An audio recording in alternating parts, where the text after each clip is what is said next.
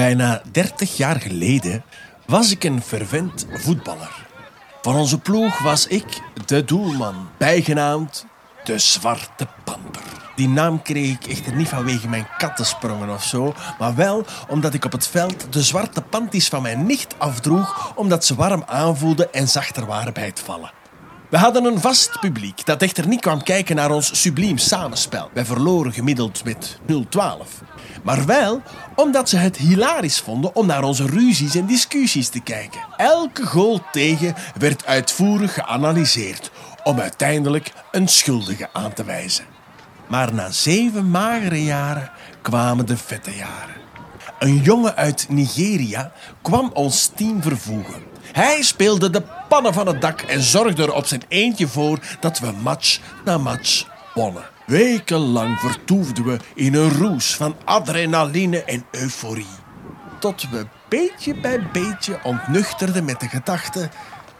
Ja, maar die jongen geeft nooit een pas. Die speelt voortdurend solo slim. Wij droegen helemaal niet bij aan die overwinning. Maar wat we niet beseften, was dat we met elke goal, voor of tegen, een beetje volwassener werden. Een leerwerkplek is een teamsport, zoals voetbal. Behalve dat er dan geen kaarten worden getrokken en er niet van truitjes wordt gewisseld op het einde van de match, wat heel raar zou zijn. Het team speelt samen met een gemeenschappelijk doel, met aan de zijlijn de mentor en de stagebegeleider afwisselend in de rol van coach en scheidsrechter. Let the games begin. Dit is een aflevering van Broadcast Nursing at KDG. Ik heb afgesproken met collega Lise de Koster en mentor slash oud-studente Ilke Bogaerts, die tussen het zware werk door toch de tijd en energie Ilke? vindt om mijn vragen Jij te het beantwoorden. niet meer, hè? Zie jij ze nog? Ik was u kwijt. Ah, Hier ben ik. Ja, mijn laptop is precies niet zo goed voorzien voor dit. Sorry. Dat is niet schieten, maar dat maakt het, het geheel dramatischer. Dus dat is goed. Dat, maakt, dat maakt jou een, een doodvermoeide verpleegkundige. Dat komt perfect uit. Allee, het beeld weerspiegelt de realiteit dan. Kijk. Ja, zelfs het geluid. Zelfs het geluid. Oké, Lise, stel jij Ilke eens voor. Ilke is, de, ja, is een van de mentoren ehm, op de leerwerkplek, waarbij dat eigenlijk de mentor, dus Ilke, de rechterhand is van de studenten. Ilke zorgt ervoor dat de studenten sterker worden. Ze zorgt ervoor dat de studenten groeien in hun groeiproces.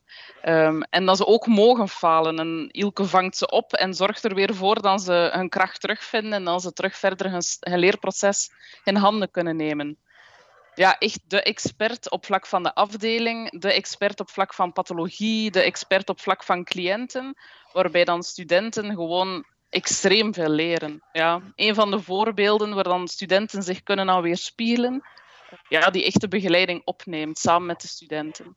Zeg Ilke, hoe ben je eigenlijk het wonderenland van de verpleegkunde ingerold? Ik heb zeer veel ehm, opties, heel veel keuzes. Het heeft lang geduurd voordat ik eigenlijk kon beslissen. En uiteindelijk is het een leerkracht van mij het middelbaar die verpleegkunde voorstelde. En dat hield steek voor mij. Dat was zoiets van, ah ja, maar inderdaad, daar heb ik nog niet over nagedacht. Ehm, en eigenlijk op goed geluk een beetje aan de opleiding begonnen. En ehm, het eerste jaar was prima. Het tweede jaar kwam dan de stage erbij. Dat was toch wel even een confrontatie met de realiteit. Maar in het derde jaar voelde ik klaar van oké, ik heb de goede keuze gemaakt. Maar het was soms moeilijk. Ja, dat was inderdaad zo. Dus het was één jaar ehm, eh, eigenlijk alleen maar les en dan een heel kort... Het probleem dat zich stelde bij. Ilke stellen we vast bij heel veel studenten. Die overgang van het eerste naar het tweede jaar. Het eerste jaar dat vooral bestaat uit theorie en een klein stukje praktijk, naar het tweede jaar vooral praktijk met een klein stukje theorie. Eigenlijk van niks, maar iedereen zag wel, ah, tweedejaars verpleegkunde, jij kunt wel wat. En eigenlijk kon ik niks. Niets is sterk uitgedrukt. In feite kunnen de studenten dan al heel veel, maar het ontbreekt hen vaak aan zelfvertrouwen, ervaring en werkinzicht. 1013 uren stage. Zoveel tijd krijgen zij om zich klaar te stomen voor hun leerwerkplek. Ja, ik was zenuwachtig. Ik was toch wel wat nerveus toen. Dat begon dan vlak na de paasvakantie. Ik wist wel dat het was en ik was er niet zeker van of ik er wel klaar voor was om dat dan te gaan doen op die manier. Omdat ik heel goed besefte dat er een belangrijke stage ging zijn, maar dat alles weer ging vallen of uh, opstaan. Nu, het is niet zo dat het leerwerkplek doorslaggevend is. Een slecht leerwerkplek wil niet zeggen dat je gebuist bent, maar een goed leerwerkplek wil niet zeggen dat je geslaagd bent. Meestal zien we wel dat kleine tekortkomingen uit gewone stages sterk uitvergroot worden in zo'n leerwerkplek, wat het doorslaggevende karakter maakt. Ja, Klopt dat? absoluut, omdat ze net die spiegel voor hun krijgen en dat het soms heel confronterend kan zijn. Dus het kan emotioneel zwaar worden? Niet alleen zwaar voor de student, ook als praktijklector kan dat emotioneel zwaar worden. Als je moeilijke beslissingen moet nemen, of, uh, en ook als mentor merken we dat het soms hè, op bepaalde momenten emotioneel zwaar kan zijn. Ja, je bent zo intens bezig, met, je bent met mensen bezig, hè. je bent met studenten bezig en je wilt die allemaal eigenlijk geslaagd zien op het einde van de rit. En je merkt soms dat het, dat het soms niet gaat en dat maakt het wel zwaar. En, Ik denk dat dat ook wel net, ja. want nu benoemen we zo'n beetje de moeilijke kant, maar op het einde van de rit, als de leerwerkplek geslaagd is, dat is ook emotioneel, hè, maar dan ja. net het tegenovergestelde. hè, dat is bekend euforie of zo. Dan, hè, um, dan, heb, dan, zijn dat, dan is dat ook echt een hecht team vaak. Hè. Een echte vriendengroep. Dus dat is ook wel fijn. Dit zijn Letitia van Berlo en Wendy Lefeire. Twee collega's van de Karel de Grote Hogeschool, die ik speciaal gevraagd heb omdat zij een van de eerste duo's vormen die een stagebegeleiding van de leerwerkplek op zich namen. Die deelden wel dezelfde bureau op de Markgraven, ja. waardoor dat we elkaar wel wat, al wat kenden, maar nog niet echt samengewerkt, uh, echt professioneel dan. Dus, nee, denk ik. Uh, uh, maar dat klikte wel, ja. En dan nu de hamvraag. Wat zijn de spelregels? Jawel, jawel, dames en heren. De eerste competentie die behaald moet worden is organiseren en coördineren van de zorg. Come on, way! Je moet dat echt durven in handen nemen. Je moet durven hulp vragen, durven um, zaken te delegeren aan anderen. In het begin krijgen ze nog een hulp, maar na verloop van tijd valt die een hulp weg. En er wordt verwacht dat ze een ploeg vormen samen. En dat ze leren delegeren aan elkaar, dat er iets gebeurt, dat ze bij elkaar hulp gaan vragen. En uiteraard, die, die mentoren, die zijn er wel altijd, maar die worden veel meer losgelaten. En waardoor ze ook wel eens botsen, bijvoorbeeld, oei, ik delegeer niet voldoende. En dan loopt die, die zorg vast. En dan nu, nummer twee. Steek die handen maar uit de mouwen voor het leveren van zorg op maat. Haha. Multipathologie, polyfarmacie, gedragsmatig. En dat maakt dat je soms ja, als verpleegkundige toch wel uitgedaagd wordt. Dus, en dan moeten ze leren om daar um, op een correcte manier mee om te gaan en dan nog rekening houden met al die basisprincipes. Dat er geen veiligheidsfouten worden gemaakt. En dat stukje kennis. Ja. Dus als ze dat aanpassen, die zorgen naar de geriatrische patiënt, dat ze ook kunnen um, verantwoorden waarom dat ze iets doen. Oh, wat zijn we blij, want functioneren binnen een team staat als volgende in de rij. Wat er gebeurt is dat studenten in het begin elkaar durven sparen. Hmm. Geen feedback aan elkaar wordt gegeven en dat ze allemaal een beetje met het idee vertrekken van we gaan elkaar helpen om te slagen. Maar na een aantal weken gaat dat niet meer. Hè. Dus op de duur moeten ze elkaar ook echt die feedback geven en zeggen, en zeggen waar dat op staat eigenlijk. En kunnen ze elkaar niet meer sparen. Omdat ze met elkaar moeten um, leren werken. Om te durven zeggen op een correcte manier of er dingen goed verlopen of minder goed verlopen en wat je dan als team eraan kan gaan doen. Om te... Vaak wordt er gekeken naar de anderen, maar dan is onze eerste vraag, oké, okay, ja, en zelf, wat kan je nu zelf doen bijvoorbeeld? En dan als de feedback van de persoon zelf komt, van, dat dat ook veel concreter wordt gezegd, van ja, in die situatie, dan is er dat gebeurd en ik voelde mij daar zo bij. Terwijl als wij dat zeggen... Ja, je kunt dat niet kaderen. Hè? Studenten niet, kunnen inderdaad concrete voorbeelden geven en wij niet. En we zijn niet te stoppen, want kwaliteitszorg komt op de proppen. Way! Kwalitatieve zorg betekent ook kritische blik, knelpunten kunnen zien. In wetenschappelijke bronnen bijvoorbeeld daar opzoekwerk over doen. En verbeteracties voorstellen voor op dienst. En dan gebeuren er wel, uh, wel mooie dingen, mooie hè, dingen in de praktijk. Ja. Kwaliteitszorg is ook op een correcte manier educatie verlenen aan een patiënt. Maar is dat de taak van de verpleegkundigen en niet van de dokters? Uh, nee. Studenten moeten zich daar soms ook wel echt van bewust worden. Dat ze wel effectief naast die dokter staan en dat ze er niet onder staan. Want dat doen ze ook. Ze worden expres dagverantwoordelijke, waar dat ze eigenlijk gaan toeren met een arts. En ze doen dat twee keer. En dan merk je dat de eerste keer dat ze zich inderdaad klein voelen ehm, ten opzichte van die arts. Maar dan een tweede keer durven ze dingen aangeven, durven ze ook kritisch te kijken. En tegelijk ook ehm, de voorschriften van de artsen tijdig doorbrieven terug naar hun collega's. Ja. Dat is ook zo nog een onderdeel dat daarbij hoort. Ja. En we gaan achteruit rijden met beroepsontwikkeling en wetenschappelijk onderzoek. Ja, in beroepsontwikkeling ehm, wordt er eigenlijk verwacht dat ze in ehm, databanken of wetenschappelijke bronnen artikels gaan opzoeken over ehm, verpleegkundig relevante zaken. Dus dat ze in eerste instantie eens kritisch kijken, zie ik hier ergens fouten of knelpunten?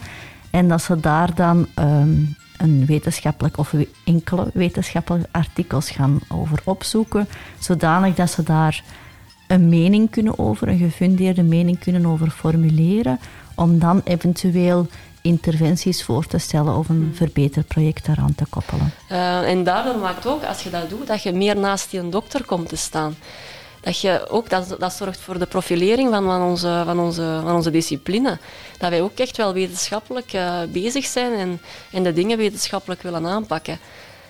En, en als je in dialoog wilt gaan met een arts, van, dan moet je niet afkomen van ik denk dit of ik denk dat. En dan helpt die wetenschappelijke literatuur wel om, om je gewoon, gewoon je, je, je verhaal te objectiveren. En handen in de lucht voor innoveren en innovatief denken en handelen.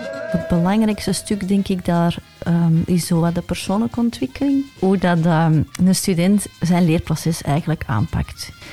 Is hij leergierig? Is hij gemotiveerd om dingen te doen? Schrijft hij goede dagevaluaties uit? Kan hij kritisch naar zichzelf kijken? Durven ze een theorie bekijken in de praktijk en daar kritisch over nadenken? Dus dat gaat vooral over hoe staat de student ehm, voor zijn leerproces eigenlijk. Zo. Dat zijn de spelregels. Als je daaraan voldoet, dan slaag je.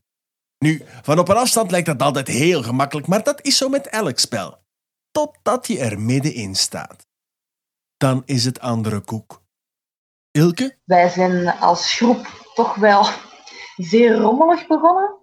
En wij hebben in het begin, en ik zal zeggen, wij hebben de mooie curve doorlopen van heel laag te starten en dan alleen maar beter te worden en te evolueren. Wij waren met tien, geloof ik. En er was één iemand die uiteindelijk niet onder de knie kreeg, om het zo te zeggen. Het organiseren en het coördineren ging niet. Het verpleegkundig redeneren, het communicatief aspect binnen het team. Super erg natuurlijk, maar ik denk wel dat het de juiste beslissing was.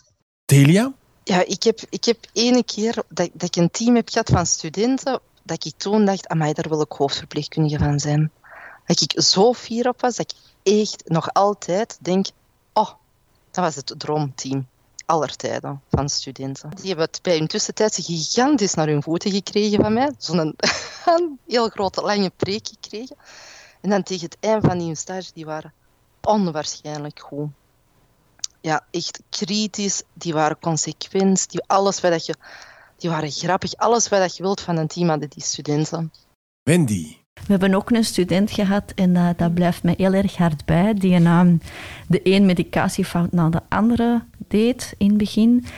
En um, daar hebben we eigenlijk een extra moment mee samengenomen en echt een plan van aanpak laten opstellen, bepaalde voorwaarden ook gegeven van dit mag niet meer gebeuren. En die jongen die is daarmee aan de slag gegaan, dat was eigenlijk ongelooflijk. Die heeft dat um, ter harte genomen, die heeft keihard gewerkt. En op het einde van de leerwerkplek slaagt hij nog. Dus voor die jongen was dat op het einde, denk ik, een heel groot succesverhaal. Lise? Ze zijn super zoekende, wat dat ook normaal is. Die komen op een afdeling die ze niet kennen. Die komen met een team dat kunstmatig is samengesteld, waar dan ze ook niet voor kiezen. Um, en het blijft natuurlijk wel een stage waar, dat er wel een zeker, waar dan studenten wel een zekere druk qua evalueren wel uh, ook ervaren. Dus dat zorgt er wel voor, zoals dat Ilke ook omschreef, dat er heel veel stress wel um, ook aanwezig is. Maar je merkt dat die studenten elkaar ja, echt naar een hoger niveau tillen.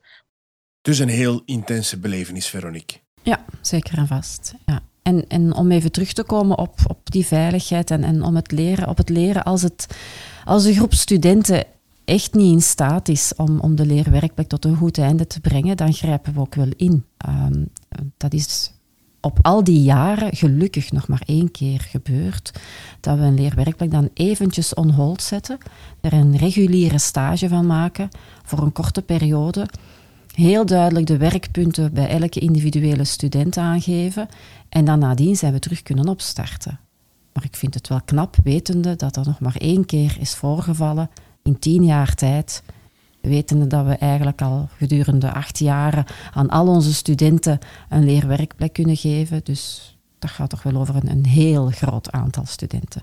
En het laatste woord is aan Stef. Ik zou niet weten hoe dat je het moet vervangen door iets anders dat een gelijkwaardig effect heeft op, op het leerproces, op de kwaliteit van studenten die je aflevert. Dus uh, kan alleen maar verbeteren. Punt. Dit is een aflevering van Broadcast Nursing, het KDG. Nog een speciale dank naar alle stageplaatsen die het leerwerkplek mogelijk maken.